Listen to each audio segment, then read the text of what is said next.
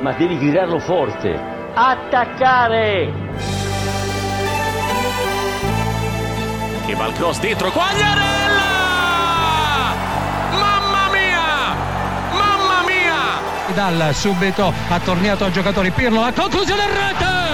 Andrea Pirlo, un gol pazzesco! Von Karajan, la decide lui, la decide il numero 21 con un diagonale impressionante!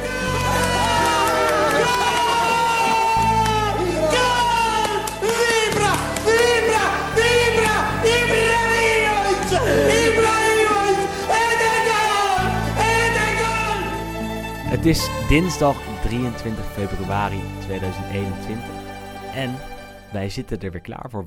Wesley, Victor Mak en ik, Willem Haak, gaan eh, de Italiaanse week weer eh, ja, door midden breken, kan je wel stellen, denk ik. Want eh, ja, er is veel gebeurd, veel mooie momenten. Inter staat bovenaan voor de tweede week op een rij, dus het is een klein beetje feest hier in de studio. Er was een mooie... Aan de ene kant van de, aan de ene kant van de studio, ja, aan de andere kant is er een beetje een gouden stemming. Ehm, ja, het was een mooie derby della Madonnina, denk ik. Zeker. Ja, wil je daarmee beginnen gelijk? Ja, ja. Dat is misschien wel het beste inderdaad. Ja, Ja, ja, goed, weet je, we zijn natuurlijk de afgelopen dagen, weken hebben er een beetje naar eh, ja, uitgekeken. Eh, we hebben op Clubhouse gezeten. We hebben Ja. vorige week een flinke voorbeschouwing nog, eh, nog gedaan. Ja, ja, ja, ja. Ehm, ja, in de kranten, wat we vorige week eigenlijk ook al zeiden, die begonnen vanaf maandag, begonnen die met de voorbeschouwing eigenlijk. Elke dag was er een mooie plaat. Vooral op de Gazzetta dello Sport, die natuurlijk altijd een mooiere Komt uit Milaan, dus die moet ook wel. voorpagina's natuurlijk, voorpagina's heeft. Ehm nee, goed, eigenlijk de wedstrijd zelf, het leeft ook best wel op, ja, toch mee met de, met de verwachting, zeg maar. Het was echt een leuke, leuke wedstrijd. Maar je zag toch wel duidelijk dat, ja, Inter is gewoon de betere ploeg dit hele seizoen eigenlijk. Het werd uiteindelijk Ehm, 0-3 voor ja. Inter. Eh, snel een doelpunt door Lautaro Martinez na een paar minuten. Eh, vervolgens bij rust 0-1. Eerste helft was Inter eigenlijk de hele tijd beter. Eh, na rust, 10 minuten, kwartier, waar Milan heel goed was. Kansen kreeg. Kopballetjes van Slatan werden knap gehouden moet, door... moet ja, gezegd worden, moet gezegd Handanovic worden. deed echt heel goed. eh. Door, de- ja, die, die keepte voor die, eigenlijk zijn beste wedstrijd in, in tijden. En ehm, ja, toen scoorde Inter ineens, terwijl ze eigenlijk onder druk sto- stonden, de 0-2. Lautaro, mooie ja, actie van Ashraf Hakimi. Eriksen gaf de bal vervolgens mee aan Perisic. Perisic legde hem voor. Lautaro maakte af. 0-2. Ja, en toen was de strijd wel gestreden, denk ik. Was Milan eh, nog steeds op zoek naar een doelpunt, maar kreeg het vervolgens de 0-3 tegen. Lukaku, met een eh, trademark doelpunt, denk ik, pakte Ja, de dus bal. dat noemen. Toch? Ja, want hij heeft, hij heeft zulke soort acties heeft hij zo vaak dat hij de bal ja, ergens bij de midlijn oppakt, dan een actie maakt en hem ofwel voorgeeft ofwel zelf afmaakt. En eh, dit keer pakte hij hem zelf op. Eh, ja, had hem misschien wel moeten afgeven op rechts. Deed dat niet. Ging naar zijn linker en haalde vrij hard uit in de korte hoek. In het uiterste hoekje, want Donnarumma kon er niks aan doen. En zo was het 0-3. Liep Inter drie punten uit in de strijd om de Scudetto. En ja, als we dan toch even over die derby eh, ja, gaan praten. Wie was de beste man op het veld voor jou? Ja, Handanovic in de zin van die heeft ze echt ingehouden. Want ik denk dat bij iedere andere keeper misschien. eh, Bij iedere andere keeper misschien dat hij als een van die ballen van Zlatan in was gegaan. Dan staat natuurlijk 1-1 opeens vijf minuten na rust. eh, dan had je een andere wedstrijd gehad. Dus hij was denk ik op het moment toen het belangrijkst. Maar als je inderdaad de hele wedstrijd ziet, ja, wat Lukaku daar aan het doen is, dat is echt... Ja, Die man die gaat ze gewoon echt kampioen maken. Want het is zo... Hij is ja, gewoon echt top. hij riep na Het doelpunt is echt ook. gewoon top. Na het doelpunt riep hij... eh, ik ben de beste. Ik, ik, ik. En dat is eigenlijk ook wel zo. Want als je kijkt naar die wedstrijd... En hij was misschien niet eens de beste man op het veld... Maar hoe die, hoe die dat doelpunt weer maakt... En hoe aanwezig die is... En hoe die ook bij eh, de, de 0-1 eh, eerst versnelt... Ook die trademark move eigenlijk weer heeft. Want hij is eh, zijn directe tegenstander Romagnoli... Waar we het zo nog even over gaan hebben, denk ik... Is hij gewoon volledig kwijt door één versnelling... Nou, eerst komt de bal niet bij Lautaro terecht. Vervolgens voorzetje komt hij er wel. Echt een goede voorzet ook. En dan, dan, dan spat de kwaliteit er wel vanaf. En dan, dan zie je echt dat, dat deze man in Milaan echt enorm is opgebloeid. Want anders had United hem nooit verkocht, twee jaar geleden. Nee, absoluut niet. Ja, dit is natuurlijk toch een beetje wat je, waar glimpen van hebt gezien natuurlijk bij Everton. Eh, bij Manchester United helaas dan wat minder. Maar eigenlijk de invloed waar wij natuurlijk eigenlijk best wel lang, zeker het begin van het seizoen hebben gehad over Zlatan Ibrahimovic. Van ja, als hij op het veld staat, dan gebeurt er iets. Eh, dan is dat hele team automatisch, is opeens tien klassen beter. Eigenlijk heeft Lukaku gewoon precies hetzelfde. Eh, alleen bij hem is het natuurlijk nog knapper, omdat hij natuurlijk, wat is het, 15 jaar jonger is. Ehm, en niet de uitgesproken ster misschien is ook binnen Inter. Omdat het natuurlijk best wel veel, of tenminste zeker dit seizoen natuurlijk een aantal spelers zijn die het gewoon heel goed doen. Eh, waar, nou ja, bij Milan is Slatan toch nog steeds wel een beetje de grote, de grote man. Maar goed, nee, het is echt fantastisch wat hij, wat hij doet. En als je ook ziet hoe makkelijk die gewoon met, met, met dat gigantische fysiek van hem, al die verdedigers van hem af... eh, Toch nog het- lichtvoetig, het, hè? Het is echt, maar, want hij werd natuurlijk altijd werd hij een beetje gepest. Zeker in Engeland natuurlijk met zijn eerste aanname. eh, wegdraaien wat niet altijd even soepel ging. Maar het is echt... Hij begint, ieder seizoen begint hij completer en completer te worden. Ehm, en ik denk dat het zeker op dit moment misschien wel... Nou, top drie beste spitsen van, eh, van de wereld is. Hebben we al een Misschien keer eerder gezegd dit jaar, maar het, het moet bijna wel. Want Ja. als je ziet hoe Ik kan bijna die- geen andere spelers bedenken die echt beter zijn dan, eh, dan Lukaku. En, seizoen. en hij is gewoon, in principe had hij het eh, begin 2021 een beetje lastig. Had, had een maandje waarin hij iets minder scoorde. Maar dan zie je eerst tegen Lazio hoe die het team bij, bij de hand neemt. En vervolgens tegen Milan hoe goed hij weer is. En dan is hij misschien niet eens, en dat zei ik net ook al, de beste man op het veld. Maar het is wel degene aan wie het spel van Inter is opgehangen. Als hij er niet is, dan, dan, dan wordt Inter geen Ja, kampioen. maar het is ook gewoon een ander, ander type voetbal dan gelijk. Ja, Want dat, dat- ja, met, met Dat een. Alexis Sanchez of inderdaad een Pinamonti of weet ik voor wie we er allemaal voor in hebben gezien. Het is gewoon, ja, Maar je ziet bij die niet 0-2. 0-2. Hij wordt ingespeeld. Hakimi krijgt de bal terug. Hup, hup, hup, hup, hup. Uiteindelijk is het Lautaro die afmaakt. Maar het is exact het moment dat Lukaku de bal kan vasthouden. Kan meegeven aan Hakimi. Wat Conte wil. En dat kan je in de afgelopen 30 wedstrijden. Of misschien wel de twee seizoenen van Conte bekijken.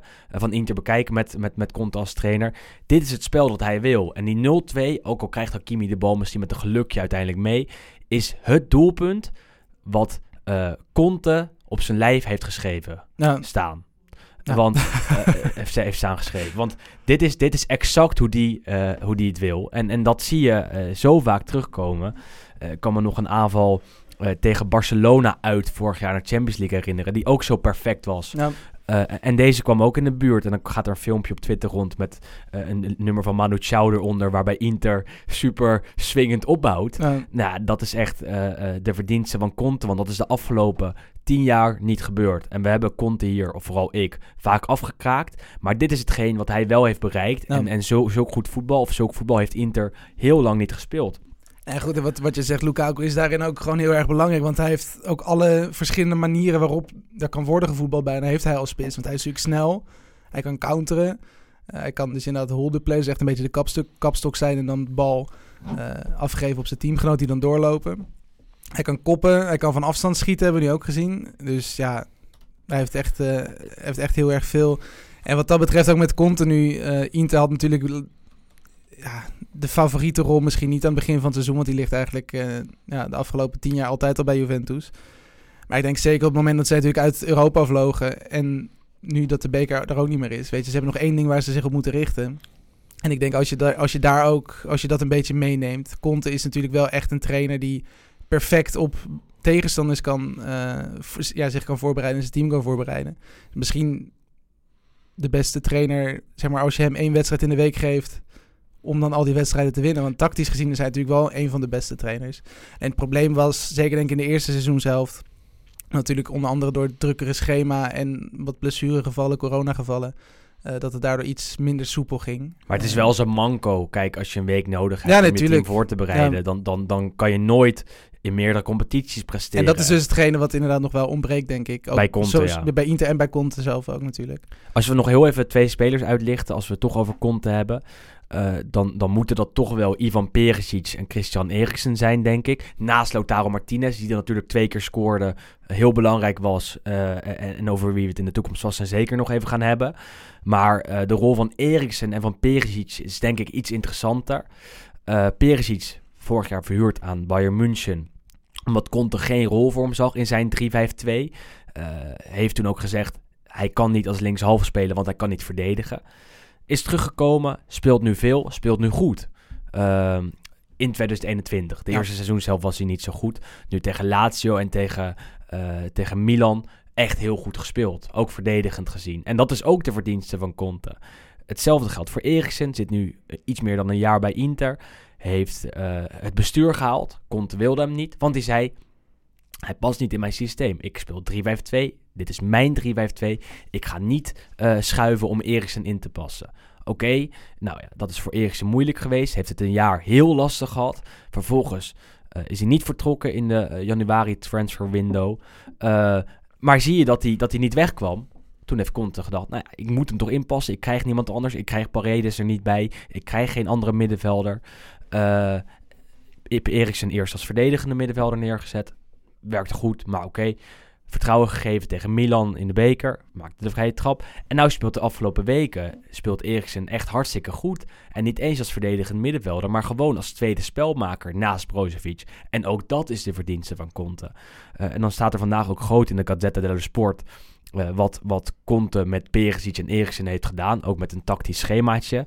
Eh, nou ja, en dat is wel ook zijn werk.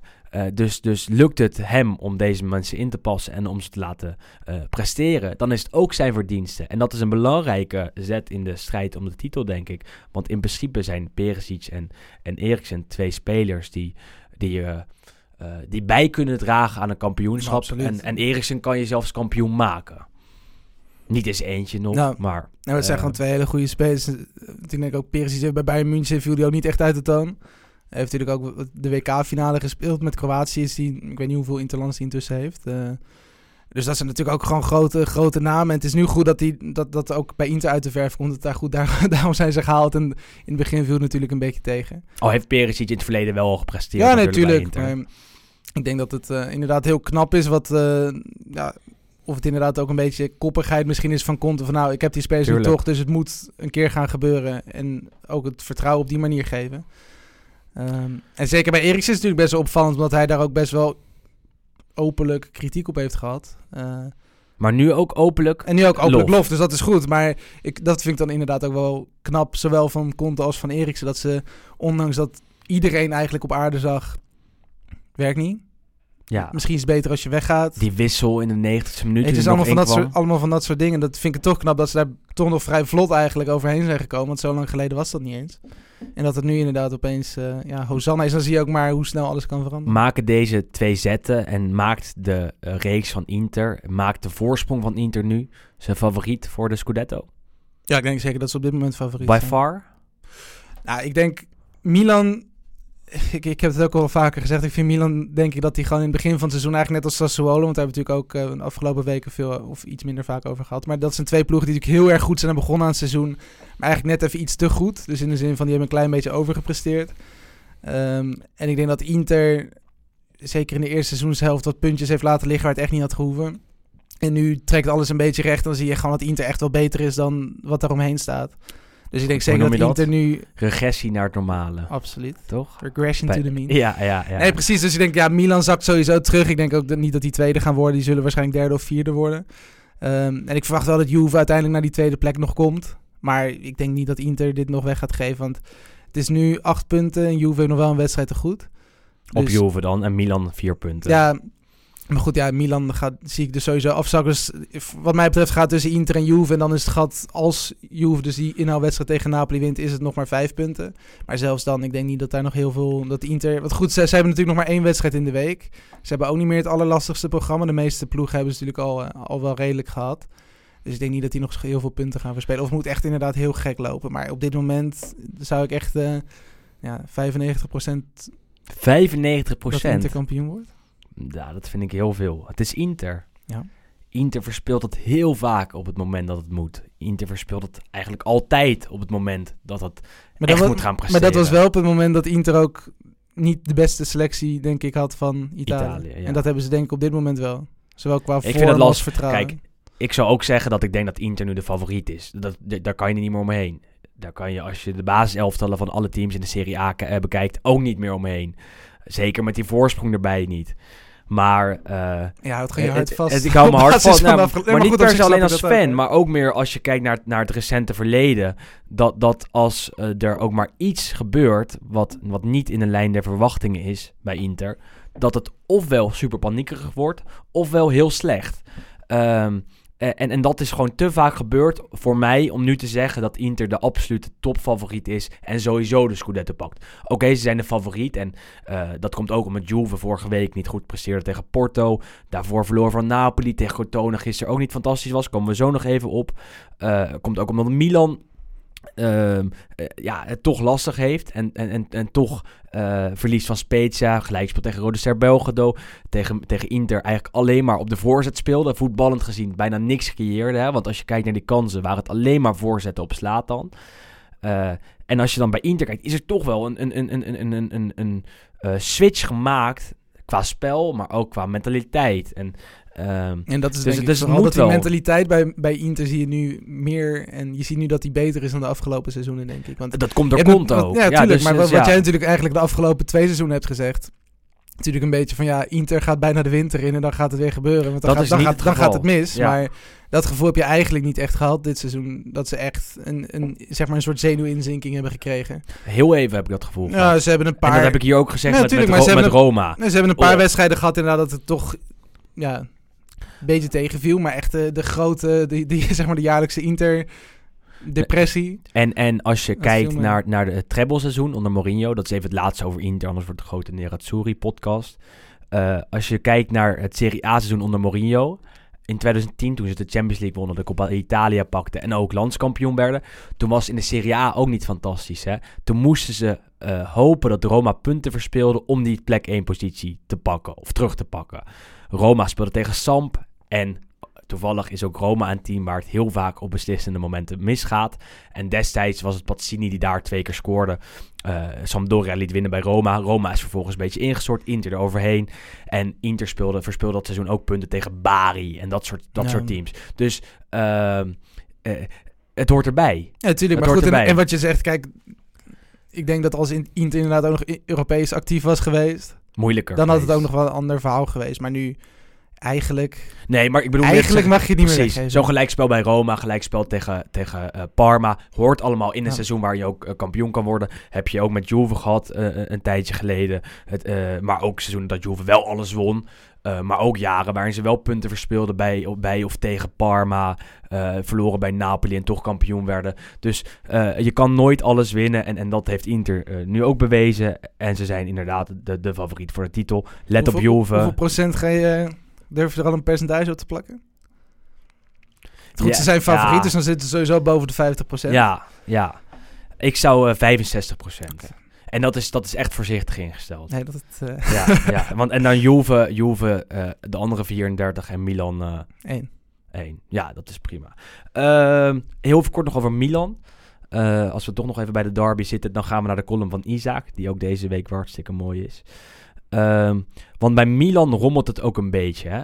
Ze verloren vorige week dus van Spezia met 2-0. Ze speelden tegen Rode Ster Belgrado eh, eh, met eh, Gelijk. in de laatste... terwijl Rode Ster eerste 10 tijd. man, met 10 man stond.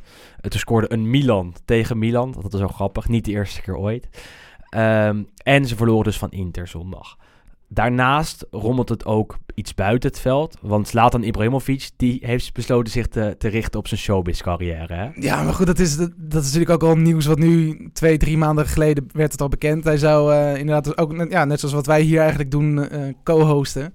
Eh, alleen dan op het muziekfestival Sanremo. Je hebt er altijd één presentator en die krijgt eigenlijk ieder seizoen, ieder jaar ehm, een soort co-host die dan inderdaad ook een paar avonden is. Eh, we hebben in het verleden hebben onder andere Donatella Versace, die was er volgens mij twee of drie jaar geleden. Eh, er zijn wel meer voetballers of ex-voetballers ook een keer een avondje langsgekomen. Alleen ze hebben nu bij Zlatan gedacht van nou, dat is zo'n spraakmakend figuur, die laten we gewoon alle avonden meedoen. Ehm, en Sanremo is meestal een dag of vijf, zes. Eh, dus die, ja, Zlatan staat er gewoon vijf, zes dagen op de, op de tribune eigenlijk. Of nou, op het podium eigenlijk dus. Ehm, er zit wel één wedstrijd in het midden, dus dat was eigenlijk al gelijk op het moment dat het werd aangekondigd van hey, Zlatan gaat co-hosten, was dat natuurlijk eh, punt één. En toen heeft eigenlijk iedereen op dat moment gezegd van nou, daar gaan we een oplossing voor zoeken en dat horen we tegen die tijd. Alleen Sanremo begint volgende week, volgens mij 2 maart. Dinsdag, Ehm, dinsdag tot zaterdag duurt dus het. ja, en nu moeten ze dus wat gaan bedenken. Echt, ik, woensdag, woensdag en ik snap dat er nu thuis. inderdaad wat kritiek ook op komt, omdat Milan niet meer draait. Ehm, Maar, maar maar het, is natuurlijk wel ja, een hele gekke situatie. Je kan je niet voorstellen dat inderdaad je beste speler opeens een televisieprogramma gaat doen zes avonden terwijl je gewoon moet voetballen. Ze willen een, eh, soort trainingsfaciliteit inrichten om Zlatan daar toch te laten trainen. Ja, want het probleem is dus Maar ook nog... kom op. Nee, maar ja, het probleem is dus ook... Het is een feest. Er zijn geen, ja, geen toeschouwers, want dat mag natuurlijk niet. Maar er zijn natuurlijk wel personen uit heel het land die worden ingevlogen. Misschien niet, maar in ieder geval met de trein en de auto. En weet ik veel, uit alle hoeken van het land komen. En het probleem is natuurlijk nog... In Italië zit die coronasituatie Code nog. rood. Code, Code rood. rood. Dus In eigenlijk, ze willen dus Sanremo zelf... willen ze een soort mini... eh ja, quarantainebubbel van maken, zeg maar. Dat ook niet heel veel mensen er ja, daar in of uit gaan. Alleen goed, je hebt wel een voetballer die dus wel ook gewoon moet trainen en een wedstrijd moet gaan spelen. En die een contract heeft hè, met dat festival. heeft. Dus hij heeft en een contract bij Milan als voetballer... en een contract bij het festival Sanremo als presentator. Wat ben je? ja, het is Wat, een hele gekke- maar is maar is wat, is, is Slatan? Is Slatan voetballer? Ja, is of is voetballer, Slatan een maar- showbiz-figuur? Ja, dat, Als jij Milanista is- het is- bent... ja, Als jij Sander Jongman Tuurlijk. bent, of als je iemand bent die, die daar zit, elke week naar Milan kijkt en nu ziet dat ze het lastig hebben in de titelstrijd, dan denk je toch, wat gaat die Slatan nou doen in een, op een liedjesfestival? nou, Eh, we moeten tegen Udinese, we hebben het lastig, laat hem, laat, laat hem ons weer eh, winnen. En hij presteert ja, natuurlijk die fantastisch. timing is gewoon heel kut. Want ja, Ja, maar dan staat hij, staat hij dinsdag op het podium, eh, moet hij woensdag spelen. Stel ze verliezen van Udinese thuis. Wat dan? Gaat hij dan nog weer daar leuk doen op het podium? nou, Dat kan helemaal nee, niet. Het is, het is echt een hele... Echt belachelijk, ik heb, het- belachelijke ik heb het ook nog meegemaakt. Ik weet niet of dit überhaupt ooit is gebeurd. Belachelijke situatie. Maar goed, ja, weet je wat dit werd, wat ik zeg, dus twee, drie maanden geleden aangekondigd. Toen stond Milan eh, dik op kop, wonnen ze alles. Ja. Toen dacht iedereen van, ja joh, leuk joh, leuk, Slater moet lekker doen. En goed, nu gaat het natuurlijk slecht. En dan krijg je het ook keihard terug. Ik vind het, En ik vind het, heel gek. zeer opvallend. En dan gaat hij ook nog een avond een liedje zingen met Sinisa Mihailovic. En ik krijg daar gewoon de kriebels van over mijn hele lijf. Dit is een voetbaltrainer, een voetballer. eh, eh, die gaan naar de dansen en, en, en een liedje zingen. Ja, ik snap wel dat je je wil richten op een eh, leven na je carrière. Maar niet in een eh, week waarin er ook een speelronde op het programma staat. Eh, waarin Bologna dit seizoen echt niet fantastisch is. Waarin Milan nog steeds kampioen kan worden. Hè? Wij zeggen hier dat, dat ze het eh, gaan laten varen. Maar eh, wie zegt dat dat waar is? Nou ja, dan kan je niet op zo'n delicaat moment... Ja, ik vind het vooral bij. Slater vind ik het gek. Kijk, dat, dat Mihailovic dat doet prima. Want goed, als trainer hoef je natuurlijk niet... Geen prestatie te leveren in de zin van je moet niet eh Maar die gaat er toch ook scheidlollig staan doen? Natuurlijk, maar goed, dat doet hij op de persconferentie doet hij dat ook altijd. Dus Ja. dat, dat, dat zal niet echt het verschil maken. Maar het is inderdaad wel heel erg ongelukkig dat het precies op dit moment dan is. Super En- ongelukkig. maar- Vijf ja, avonden, vijf Maar avonden. goed, aan de andere kant weet je, kijk, ik vind het ook prima dat spelers naast het voetbal ook dingen doen. Het is nu alleen heel erg ongelukkig vanwege het moment. Nee, maar dat, dat, dat vind ik ook, hè. Ja. Eh, leuk dat iedereen een TikTok-filmpje eh, opneemt met zijn vriendin. Eh, ben ik ook niet per se een grote fan van. Maar wie ben ik om daarover te oordelen? Ja. Maar dit is een groot conflict, vormt dit met zijn ja, maar dat is het, dat is het vooral wedstrijdvoorbereiding. natuurlijk, Dus als hij dinsdag daarheen gaat...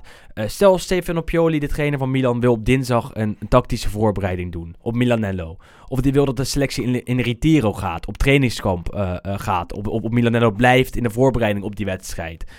Nee, dat kan niet. Want Slatan die moet naar Sanremo. Die moet een liedjesfestival presenteren. Ja, Ja, het is heel... ja, ik, ik, is- ik, kan er met mijn hoofd niet bij. Maar goed.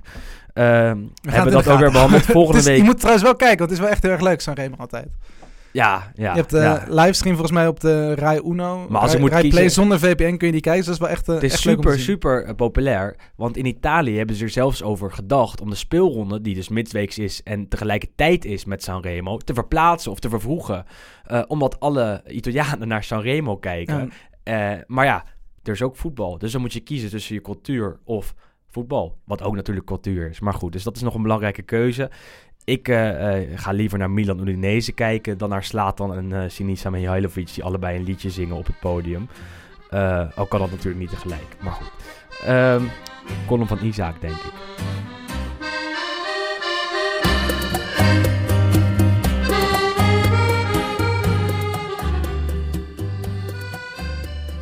Buongiorno amici sportivi.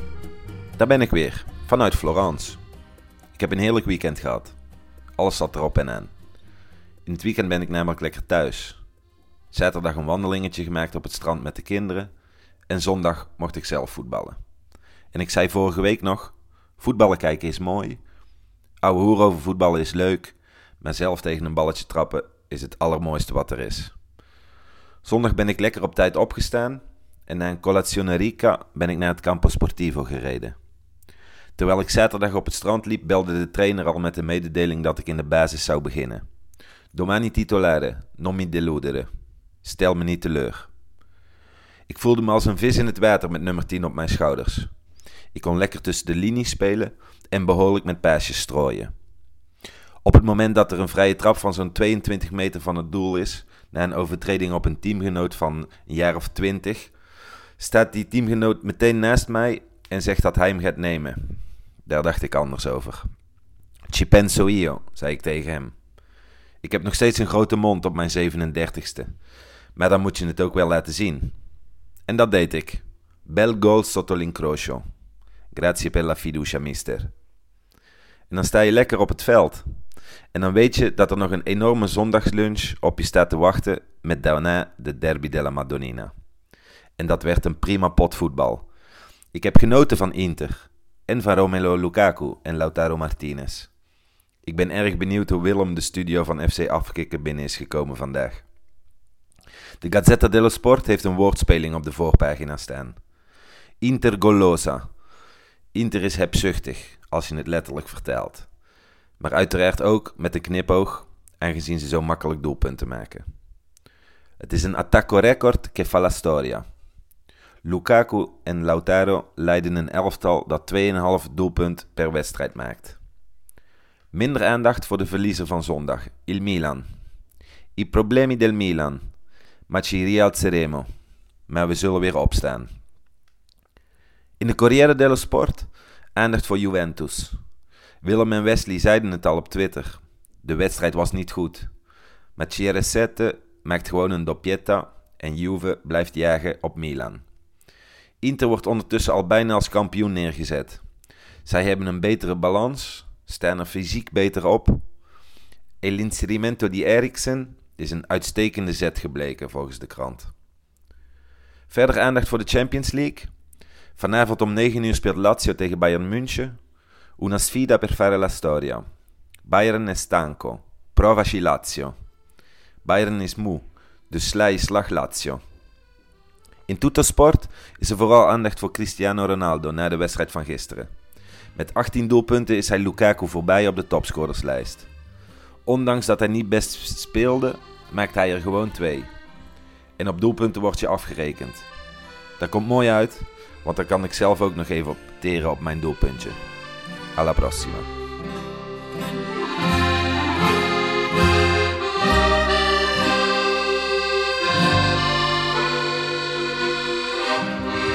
Er werd natuurlijk eh, in de Serie A gespeeld.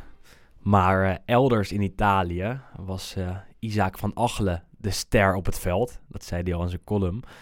Als je de beelden van de vrije trap wil zien, moet je even naar zijn Twitter gaan. En ook naar de Twitter van Wesley volgens mij. Die heeft hem geretweet. Dat was vrij indrukwekkend hoor. Het was een vrij indruk- indrukwekkende vrije trap. Vanaf een meter of 25 in het uiterste hoekje. Keeper kon er niks aan doen. Alla Eriksen, hè? Ja, Ja, Beckham. Ook is dat een, mooi, Hey. een mooie bandit-like eh, Isaac. dat is onze columnist, hè? Ja. Onze columnist heeft gewoon een, een goede vrije trap in huis. En die trapt ze bijna net zo goed als Pirlo, Francesco. Lodi, Ja. Eriksen, noem het allemaal op. In dat rijtje eh, wordt gewoon eh, Isaac van Achelen toegevoegd. En terwijl hij niet eens iedere week speelt. Het is gewoon op een soort oproepbasis. Een soort Slatan. een soort Slatan is het, hè? Ja, Ja. dan, dan presenteert hij voor ons weer een Ja, zo is het. Isaac heeft ook een showbiz carrière naast zijn voetballoopbaan. En naast zijn normale werk natuurlijk. Ehm, maar terug naar de Serie A. Want eh, ja, naast eh, Milan-Inter, die we net even uitgebreid behandeld hebben, waren er genoeg andere duels. Ik stel voor dat we op vrijdag beginnen, langzaam naar Juve op de maandag toewerken. Het was een hele lange speelronde. Want we begonnen Ja. op vrijdag half zeven. En we eindigden op maandag, nou, wat is het, kwart voor elf. Commercieel interessant, eh, Ja. want, want je kan alles zien. Je kan alles even aanklikken. En ik denk dat dat best slim is, eerlijk gezegd. Want zo krijg je toch mensen die, die echt van Italiaans voetbal houden, die ook ineens naar eh, Fiorentina Spezia gaan Ja, het kijken niet voor het eerst volgens mij dit seizoen, denk ik, dat ze echt alle tien wedstrijden op een andere speeltijd Volgens hebben. mij voor het eerst ooit bijna. Ja. Ja, ja, ja. En dat, eh, dat, dat begon dus op vrijdag om half zeven. Wat wel best een rare tijd is natuurlijk. Eh, Fiorentina tegen Spezia. De eerste helft was eh, bar en bar slecht. Eh, gebeurde eigenlijk helemaal niets. Zou je van Spezia verwachten dat ze leuk voetballen? Nou, dat was ook niet het geval. Fiorentina laat het hele seizoen al niet zien. Tweede helft kwam Spezia alsnog niet opdagen. Fiorentina wel. Het werd eh, 3-0. Mooie overwinning voor eh, Prandelli. Want eh, ja, daarmee verschaft Fiorentina toch wat ruimte. eh, ja, Ja, staan nu opeens in 10 de punten boven de streep. Dus op zich is dat wel... eh, ja, het gat is groot genoeg, zeg maar, om nu eventjes niet meer te vrezen. Dus misschien dat nu de druk er iets afgaat. Ja, ja, ja. Ja, nou, goed, 3-0. Eh, de meest anonieme speler van de Serie A Ja, scoorde. Ja, die maakte een doelpuntje. eh, kwam er in de rust in en deed het goed. Later op de avond Cagliari-Torino 0-1. Eh, betekende het einde van Eusebio Di Francesco als trainer van Cagliari. Cagliari. Het blijft een moeilijke wo- moeilijk woord om er... jij? Cagliari. Af en toe als je toch even een half uur al bezig bent. Cagliari ontsloeg hem namelijk. Nou, dat was geen verrassing meer.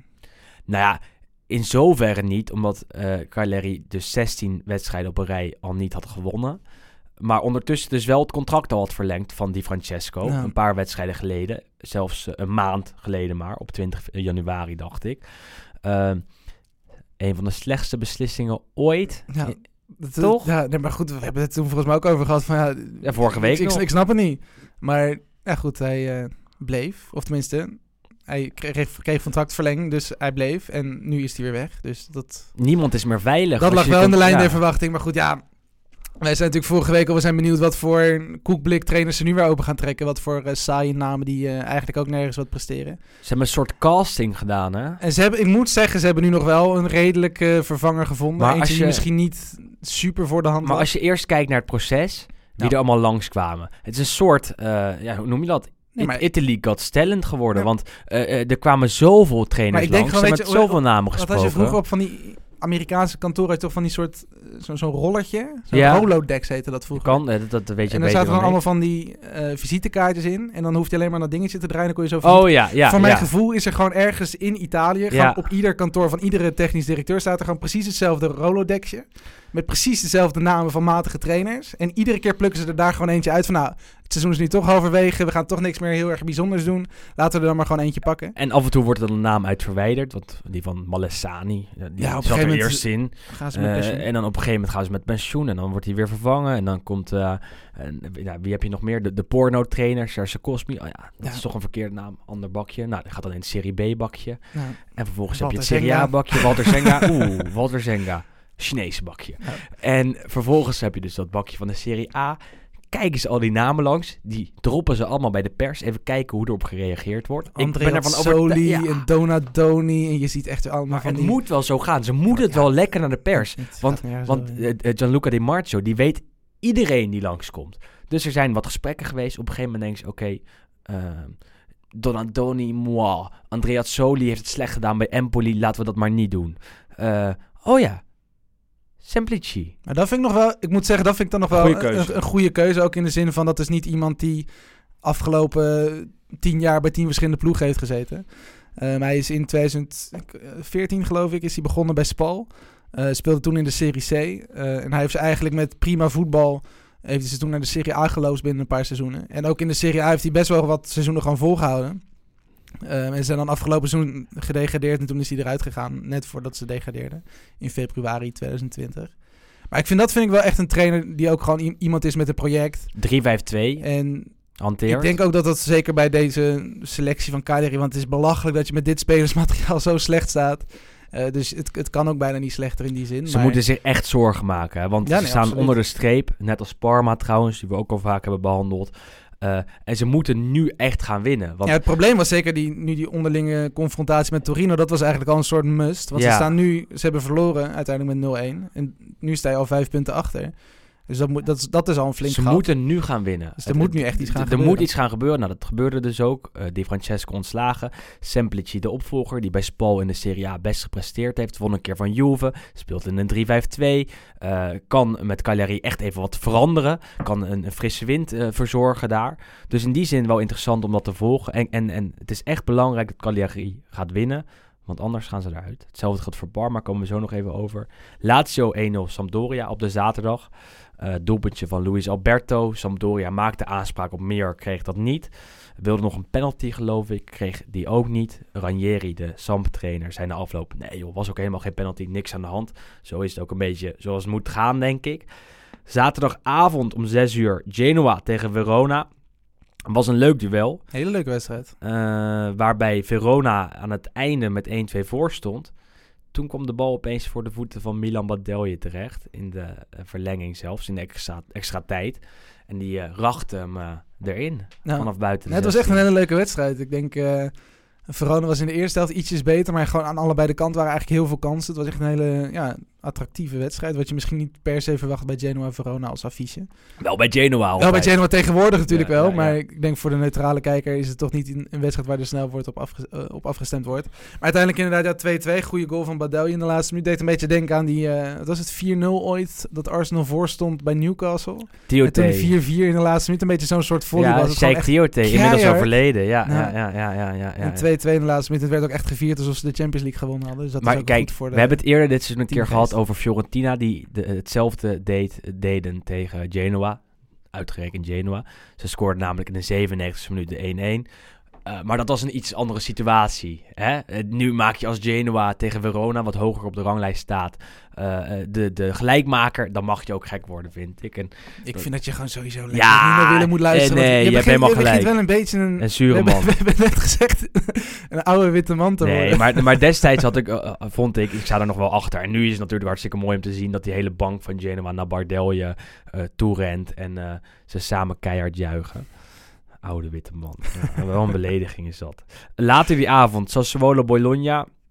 Ehm, stond 0-1 voor Bologna. Een rode kaart voor Hickey, de vervanger van Mitchell Dijks. Die weer geblesseerd heeft. Wat pech eh, heeft eh, dit seizoen. Geblesseerd is. Geblesseerd ge- is? Ja, ik zeg geblesseerd heeft. Ja, maar niet? Geblesseerd is, wat Iedereen pech heeft. Ja, ja, ja. En Sassuolo maakte nog 1-1. Chicho Caputo. Niet echt interessant om het over te hebben. Ja, Roberto Soriano is toch de Lo Stadio Ja, vloek, dat wel, ja. nog We hebben begin van het seizoen gezegd dat die jongen er niks van kan. Intussen is hij bezig aan zijn beste Serie A seizoen uit zijn loopbaan. Doet het echt aardig. Ja. Moet gezegd worden. Bologna verder niet fantastisch. Eh, Valt toch een beetje tegen. Ja, maar goed met de rode kaart na Zeker. uur. Sassuolo stort een beetje in. Dat is wel jammer. Eh, zondag half 1. Parma tegen Udinese. Kwam Parma 2-0 voor. Maakte Andreas Cornelius zijn eerste doelpunt van het seizoen. Leek Parma echt op de overwinning af te gaan. Voor het eerst in maanden Zeker. in eigen huis. En toen ging het toch nog mis. Ehm, 2-2 was eh, ja, van Nederlandse makelij. Bram Nuitink kopte hem in. Toen dacht Udinese nog te winnen. Dat gebeurde niet. Het eh, bleef 2-2. Interessant daar vind ik nog wel dat er nog een Nederlander is. Ehm, die eh, afgelopen winter, dus afgelopen maand, naar Udinese ging. Jaden Braaf. Hebben we toen over gehad. eh, ook in de podcast. Ook op de Transfer Deadline eh, Day show van, eh, van FC Afkikken. En toen zeiden wij al- allebei eigenlijk al dat, dat het misschien wel een verkeerde keuze was om naar Udinese te gaan. Udinese dat in een 3-5-2 speelt. Ja, niet echt met een linksbuiten eh, ja, aantreedt. Braaf is een linksbuiten. Nou ja, en dat zie je terug, want hij heeft nog niks gespeeld. Nee. minuten. En goed, je hebt zijn andere landgenoot Thomas Ouwejan staat dus wel een beetje op, nou niet linksbuiten, maar die gaat wel over de linkervleugel heen. Ehm, alleen goed, dat, is, dat ook. is natuurlijk meer een verdediger. Ehm, maar die eh, ja, deed ook gewoon heel goed en gaf uiteindelijk dus die assist op Nuiting. Dus dat was een hele, hele Nederlandse goal. En, eh, Oude Jan mag die vrije trap en Nee, corner. maar dat is mooi, hè? maar hij heeft Ja. echt een geweldige trap ook, hoor. Want als je ziet hoe... Hij traint er ook veel op. Ik zag een interview met eh Udinese, Tivu. Mooi. Ehm, spreekt ook aardig Italiaans. Eh, Hij krijgt daar... eh, Doen ze daar goed, hè? ja, krijgt daar les. Ja, ja, het is, het is nu via Skype. Ik had even aan hem gevraagd hoe het nu inderdaad gaat bij, eh bij Udinese. Hij zegt, normaal gezien is het inderdaad ja, één op één les natuurlijk. En nu gaat het meest via Skype. Dus hij zegt, het duurt allemaal wel iets langer voordat ik het, ook het gevoel heb dat ik het onder de knie heb. Eh, maar goed, het wordt inderdaad goed ondersteund. En hij zegt, ik train heel veel op vrije trappen. Ik train heel veel op corners. Dat doen we eigenlijk met de hele ploeg. Maar ik vooral ook gewoon vanwege mijn traptechniek. En het is mooi dat inderdaad eigenlijk een, nou, toch een beetje een, nobody. Want in Nederland heeft hij nog niet heel erg veel ja, gepresteerd eigenlijk voordat hij naar de Serie A ging. Eh, dat hij daar toch nu ja, langzaam in de pikorde ook aan het groeien is. Ja, leuk. En Dus, Zegelaar ja, is het heel ook mooi. goed. Ja, maar doet het seizoen het echt heel goed ja, allemaal, ja, die ja, ja, alleen braaf dus niet. En hopelijk komt hij nog eh, er een keer in. Maar eh, tot nu toe geen kans gekregen van de trainer van Gotti. Die wel heeft gezegd fan te zijn van hem. Maar ja, dat, dat valt nog allemaal te bezien. Milan-Inter werd 0-3. Later op de zaterdag of de zondag, 6 uur, Atalanta-Napoli was echt een kraker. Als je bent blijven zitten na Milan-Inter, werd je echt verwend. Want het werd 4-2 voor Atalanta. Eh, Napoli deed wel leuk mee, maar uiteindelijk was het Atalanta dat gewoon echt beter eh, was en eh, verdiend won. Luis Muriel, fantastisch. Ja, het is echt een, een fenomeen. Hè? Niet normaal, hè? Dat doelpunt, als je het even opzoekt, als je dit luistert, moet je even naar het Serie A YouTube-kanaal. Kijk je even naar het eh, doelpunt van Luis Muriel. Was het echt een fantastische goal. Hoe die je meeneemt, hoe hij die in, in de korte hoek jast. Eh, echt genieten. En, en dat is wel een spits die, eh, die bij Atalanta op zijn plek zit, op zijn plek is. Steeds meer speelt. En misschien nog wel een stapje hogerop kan maken. Waar hij iets meer gewaardeerd wordt. Want hij blijft bij Atalanta toch een beetje de supersub altijd. Nu wel vaak basis, maar oké. Ja, hij heeft natuurlijk zijn gigantische, of tenminste zeker als invaller heeft hij echt een gigantisch goed eh, ja, record.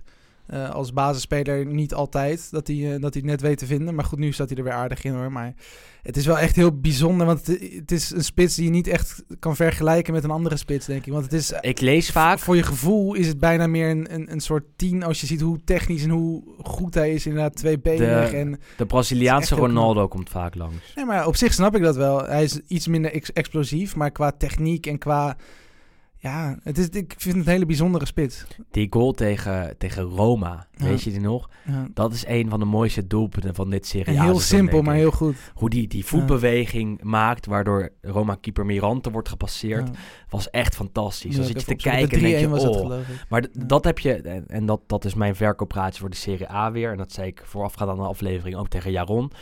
Ehm, je hebt in Italië zoveel sterren bij al die elftallen. Je hebt heel veel spelers waarvoor je het, eh, de, de, Ja, de de, TV de, aanzet. wed- tv aanzet, Ja. de wedstrijd gaat kijken. Want nou, we hadden het over Lukaku, je hebt het over Slatan, je hebt het bij Atalanta over Luis Muriel, ehm, je hebt het eh, bij, bij, bij Lazio over Immobile. Dat zijn allemaal sterren. Eh, die, je, die je in zo'n banner kan neerzetten. En dan weet iedereen, oké, dat is Lazio, dat is Milan, dat is Inter, dat is Juve. Juve natuurlijk met Ronaldo ook.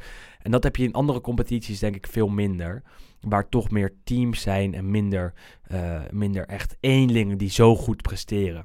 Dan heb je natuurlijk Messi bij Barcelona en bij Liverpool City heb je ook natuurlijk eh, genoeg eh, goede voetballers. Het gaat ook niet om de kwaliteiten, maar meer om de, om de, om de ster allures, om de, de, de manier waarop ze op het paard worden gehezen. En, en dat is bij, eh, bij Atalanta steeds meer het geval met Luis Muriel, denk ik. Die altijd terugkomt, vaker terugkomt dan, eh, dan, d- dan, dan de andere namen bij Atalanta tegenwoordig.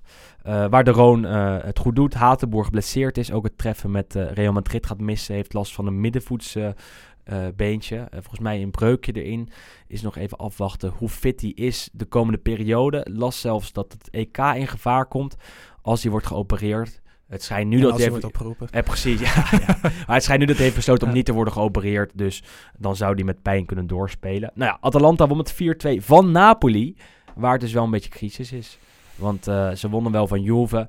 Ondertussen eh Ja, zijn jij we noemde dat mooi een laatste stuiptrekking. Ja. En goed. ja. verloren van Granada in de, of Granada, in de Europa League. En eh, ja, inderdaad ook nu van Atalanta. Dus Gattuso oud bijna, hè? Ja, het zal niet heel lang meer gaan duren, denk ik. Maar goed, ja, het is meer achteraf. Dan denk ik van, hoe kun je als in godsnaam als Juventus zijn van dit Napoli verliezen... als je nu ziet wat die de laatste maand Zo hebben, ja. laten zien. Dat is echt nou, he- heel gek. Maar goed, ja, ja, we gaan het natuurlijk... We hebben het heel vaak over trainers. En ik ben nogmaals van mening dat je trainers in de top niet moet afrekenen. Want ik denk dat alle, Hij heeft zoveel pech. alle teams in de top 7 eigenlijk, zeg maar de zeven beste teams van Italië... hebben allemaal een dip gehad al dit seizoen. Ja, bij Inter dan de minste dip heeft gehad. Maar ik denk, ja, als je ziet hoeveel spelers er bij Napoli elke week uitvallen, geblesseerd. Nu natuurlijk weer met Osimhen die dan met zuurstof van het Ze- veld moet. Ze missen is een heel echt- elftal. Het is echt niet normaal. Ze missen een heel elftal. het is zo kortzichtig, denk ik dan ook, om een trainer hierop af te vallen. Want ja, Maar, kan hij gewoon heel weinig maar, aan doen. maar, maar, goed, er gaan dingen mis. Maar, er gaan veel dingen mis. maar ja, dat, als je toch ziet wat, wat je mist en Zeker, alle maar- problematiek daaromheen. Ik snap echt wel dat het, dat het op het veld op een gegeven moment ook niet meer lukt. Alleen eh, de sfeer is al enorm verpest. En dat komt niet door Cartuso zelf, ook door de Laurentis, de president. Maar eh, je, je kan zo niet met elkaar doorgaan. Dat kan gewoon niet. Als je ziet hoeveel druk erop staat, hoeveel eh, wedstrijden Napoli op dit moment verliest, eh, wat voor uitspraken de Laurentis en Gattuso over elkaar doen, dan denk ik niet dat het eh, nog duurzaam is om met elkaar door te Nee, gaan. dat sowieso niet. Maar dan krijg je ook weer het, het, het verhaal. Ja, wie dan? Want het is niet dat andere trainers het met dit elftal heel veel beter kunnen gaan. Juric of Italiano, maar vanaf, vanaf aankomende Ja, dus zomer. dan, dan geef je eigenlijk nu het seizoen al op. Want er Ja, gaat maar niemand nu nog de laatste 14, 15 wedstrijden Nee, het heel veel beter doen dan Gattuso. dat is toch ook wel het geval nu. Ja. Ik denk dat ze nu het seizoen al opgeven. Als je Ja. kijkt waar ze staan op de ranglijst. Als je kijkt dat ze misschien worden uitgeschakeld eh, door Granada in de Europa League. Als je ziet dat ze niet de Coppa Italia finale eh, eh, hebben gehaald. Nou, dan is er eigenlijk weinig om voor te spelen. En dan zou je bijna kunnen zeggen... Oké, als we inderdaad worden uitgeschakeld in de Europa League... eh, Laat het dan maar varen allemaal. Laat het dan maar varen. Dan, dan, gooien we Gattuso er nu uit. Dan zetten we een tussenpauze voor de groep neer. Desnoods die materiaalman met dat eh, juichen van hem. en, en, dan... eh, dan Tommy Star. Ja, Tommy Star. Tommaso Starace, de, de espresso-man. Zo is Dat is het. wel een mooie vent trouwens. Nee, nee, het is hartstikke Wel mooi. echt een cultfiguur. En, en, en dan misschien, misschien wordt het dan wel wat. Alleen nu is het helemaal niks. Zondagavond kwart voor negen. Benevento Roma 0-0. Benevento speelde lang met eh 10 man door een rode kaart van Camille Gliek. Roma zette aan, probeerde nog te scoren. Kreeg een penalty in de laatste seconde. En toen toch weer niet. En toen toch weer niet. Want eh, iedereen keihard juichen. Yes, we gaan nog winnen.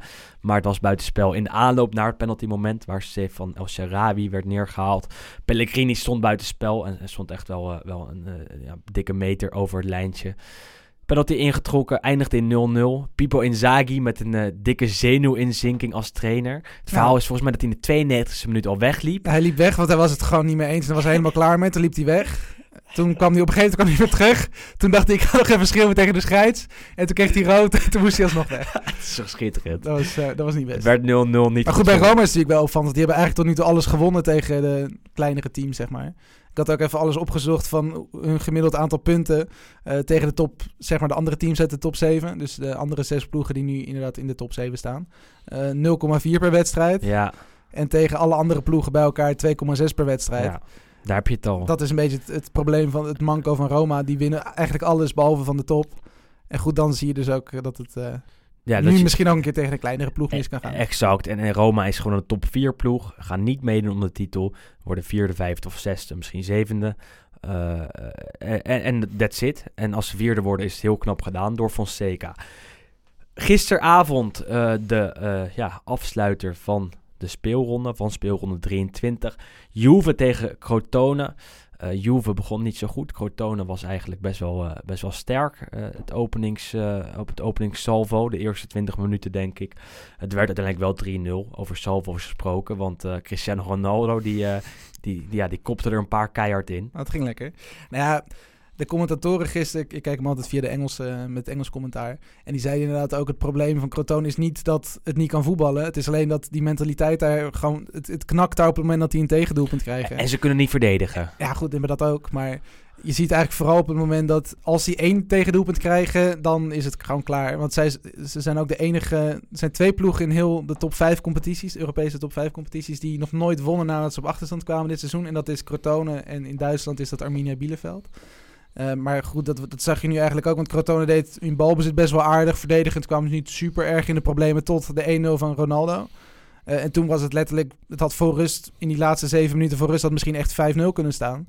Want ja, echt alles ging opeens mis. Veel kansen voor Ronaldo, die langzaam is getransformeerd in een superspits. Eh, Niet deze langzaam, want het is al een paar jaar zo. Hij maakt letterlijk alles af. Of nou ja, Nou, af, afmaken is het beter inderdaad. En, en Voetballend al- minder. voetballend is het verschrikkelijk. Hij doet niks. Het is, dit is echt niet best. Maar ja, hij scoort wel, dus Ja, je, dus je houdt hem er altijd nu, in. dus dat is en het, voetballend was. Juve sowieso niet goed. Vorige week natuurlijk ook verloren van Porto in de Champions League. Daar zijn een paar mensen ook naar me toegekomen die zeiden... "Eh, wat was dit? Wat, wat was ja, daar dit? het niet- wil ik het liever niet over hebben. Maar- het- Hoe slecht was dit? ja, maar het, is, het, het probleem is gewoon, je speelt... Tenminste, toen was het Rabiot Bentancur, maar dat is gewoon geen middenveld. Dus je speelt eigenlijk gewoon met twee man minder. Want dat hele middenveld staat er gewoon niet. Dus ja, het, het is echt verschrikkelijk om... om- Zeker voor een Pierlo kan ik begrijpen dat hij echt de haar uit zijn hoofd trekt van... Ja, maar Ik was een goede middenvelder. Ik heb in hele goede middenvelden gespeeld. Zowel bij Milan, maar ook zeker bij Juventus. Toen met Marquisio, Vidal, Pogba om heen. En als je dan ziet wat dit voor middenveld is, het is echt verschrikkelijk. En het, het, het, het probleem, het grote probleem is natuurlijk dat Bentancur en Rabiot eh, moeten spelen. Want er is gewoon niks anders. Eh, want eigenlijk de enige speler die, denk ik, de kwaliteiten bezit om ook in dit Juventus wel gewoon een goede middenvelder te zijn. En iemand die gewoon een bal over kan spelen over een paar meter, is Arthur. ja. En die is het hele seizoen al ziek, zwak en misselijk. En ja, dan moet je met Bentancur en Rabiot. En dat is echt niet om aan te zien. En gisteren ook met Ramsey, die staat er dan aan de, aan, weliswaar aan de zijkant. Maar ook in balbezit, het is echt verschrikkelijk. Het is echt gewoon alsof als je middenvelder bent bij Juventus... Dat je gewoon ballen niet meer over hoeft te spelen. Want, en daar gewoon niks meer aan doet. Niet op traint, niet over nadenkt. Want het, het is echt schrikbarend slecht. Ze wonnen wel van Cortona. en dan ben ik blij 3-0. dat er dus een kwartier voor tijd twee jeugdspelers in komen Ja. die gewoon een bal over kunnen spelen. Fagioli is wel een groot talent, hè? Nicola Fagioli heeft toen hier in Amsterdam op de Future Cup twee of drie jaar geleden een heel goed toernooi gespeeld. Eh, en dat is een eh, heel groot talent. En daarna kwam Alessandro Di Pardo, ook een jeugdspeler, kwam er, eh, kwam er nog in. Maar het zou me echt niet verbazen als die Fagioli gewoon de rest van het seizoen ook veel meer minuten gaat krijgen. Want dat is echt een hele fijne speler. En ik wil niet te hard van stapel lopen, maar hij doet me qua een beetje die, de, ja, doet me een klein beetje denken aan Frenkie de Jong in de zin van die onbevangenheid en de, zeg maar, het, ja, ik vind het heel lastig. Wat- wat- bij Frenkie de Jong heb je natuurlijk ook een beetje van, het is, het is een soort nieuwe soort middenvelder, zeg maar, in de zin van, Ja, ja, leuk. Die alle, alles kan. Verdedigend, Ja. aanvallend. eh, maar ook eh, gewoon, je hebt en je, leuk speelt. het goed, die zijn tactisch natuurlijk ook hartstikke goed. Frenkie de Jong was dat natuurlijk ook, maar zeg maar een beetje die, ja, het losse denken, echt die creativiteit en ook gewoon de, de durf in alles en ieder balcontact. En dat heeft Fagioli ook een beetje.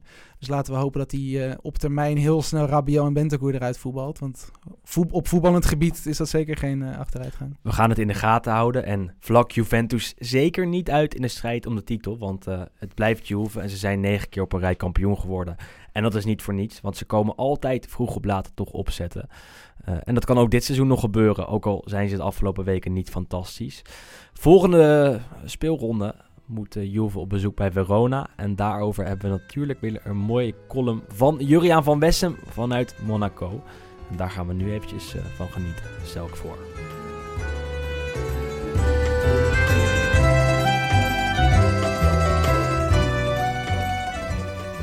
Komend weekend is Verona-Juventus een leuke wedstrijd.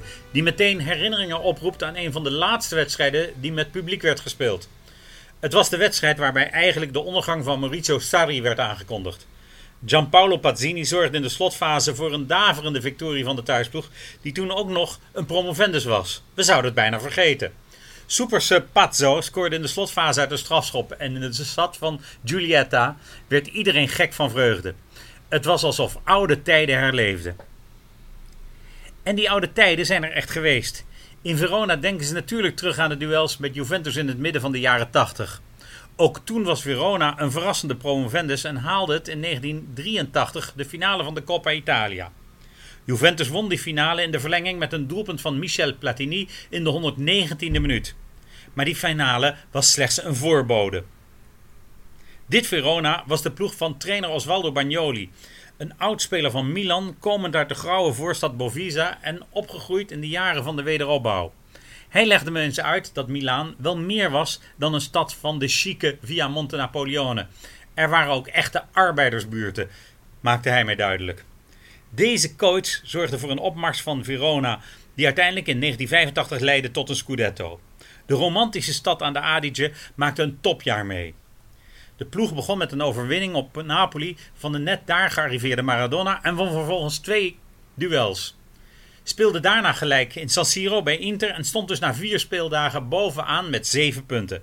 En toen kwam titelverdediger Juventus naar Verona op 12 oktober 1984. Was Verona daadwerkelijk Scudetto waardig? Dit duel werd door de media gezien als een examen voor de thuisploeg. Verona had één voordeel. Want Michel Platini zou niet in de basis starten omdat hij de avond daarvoor een WK-kwalificatieduel in Luxemburg moest spelen met Frankrijk. Er ontbraken meer basisspelers bij de oude dame en zodoende stond Stefano Pioli in het hart van de defensie naast Gaetano Chirea. Verona was de ploeg in vorm had een waanzinnige spits aangetrokken. In Italië noemden ze hem Elchier. En in de lage landen was hij eigenlijk bekend als Prebe Larsen. Maar die naam veranderde tijdens de EK in Elchier Larsen. Zoals dat wel vaker met Deense namen gebeurt. Hij had bij het Vlaamse Lokeren een naam gemaakt en vormde samen met René van der Gijp en de kale Poolse spits Gregor Zlato, notabene de topscorer van het WK 74, een prachtige voorhoede. Komt dat zien. Van der Gijp was echt een heerlijke voetballer om een paar uur voorom te rijden. We zouden het bijna vergeten. Ook voor hem stonden op een gegeven moment de Italiaanse clubs in de rij, maar hij zou ergens onderweg in de Alpen blijven hangen. Ik had het over Prebe Elkeer Larsen. Hij loodste Lokeren naar de kwartfinale van de UEFA Cup en was op het EK 84 de aanjager van de Deense ploeg. In zijn stijl leek hij veel op Romelu Lukaku. Eenmaal uitgebroken zou niemand hem meer kunnen afstoppen. Hij vormde een aanval met Giuseppe Galderisi, een kleine aanvaller die dwerg werd genoemd, Il Nano. Die een paar seizoenen bij Juventus had gespeeld, maar na het WK 82 bij de oude dame plaats moest maken voor Paolo Rossi. Galderisi was een mooie aanvaller en vormde een spectaculair duo met Elkjaar. En op deze middag tegen Juventus zouden zij het verschil maken. Bij rust stond het nog 0-0, maar Verona was duidelijk de bovenliggende partij onder aanvoering van een andere oudspeler van Juventus, Pietro Fanna, en de sierlijke spelmaker Antonio Di Gennaro en natuurlijk de kilometervreter Hans-Peter Brigo, de andere buitenlandse aanwinst van Verona in deze zomer. De thuisploeg kreeg veel kansen, maar had verzuimd om afstand te nemen. Trapattoni besloot in de rust om Platini in te brengen voor Rossi om het tijd te keren. Maar na een kwartier nam Verona toch de leiding, dankzij Galderisi, die met een kopbal, ja inderdaad, voor iemand van 1,64 meter een bijzonder feit, een voorzet van Fanna afronde. Juventus moest op zoek naar de gelijkmaker en doelman Claudio Garella onderscheidde zich met enkele reddingen op schoten van Boniek, Tardelli en Platini. En toen volgde het moment waar een hele generatie in Verona het nog over heeft. Een doeltrap van Garella bereikte elk jaar op de middenlijn. De Deen maakte zich los van zijn bewaker Pioli, die wel de schoen van de Deen uittrapte, maar op zijn sok passeerde elk jaar Caricola en met een kapbeweging schoot hij de bal in de hoek. Tacconi was verslagen. Prebe Elkjaar Lasse is sindsdien voor altijd heilig in Verona. Zijn ploeg stond met 2-0 voor en zou de wedstrijd winnen. Ze zou zelfs kampioen worden in dat seizoen en trof een jaar later Juventus in de Europa Cup voor landskampioenen. Maar dat is weer een ander verhaal.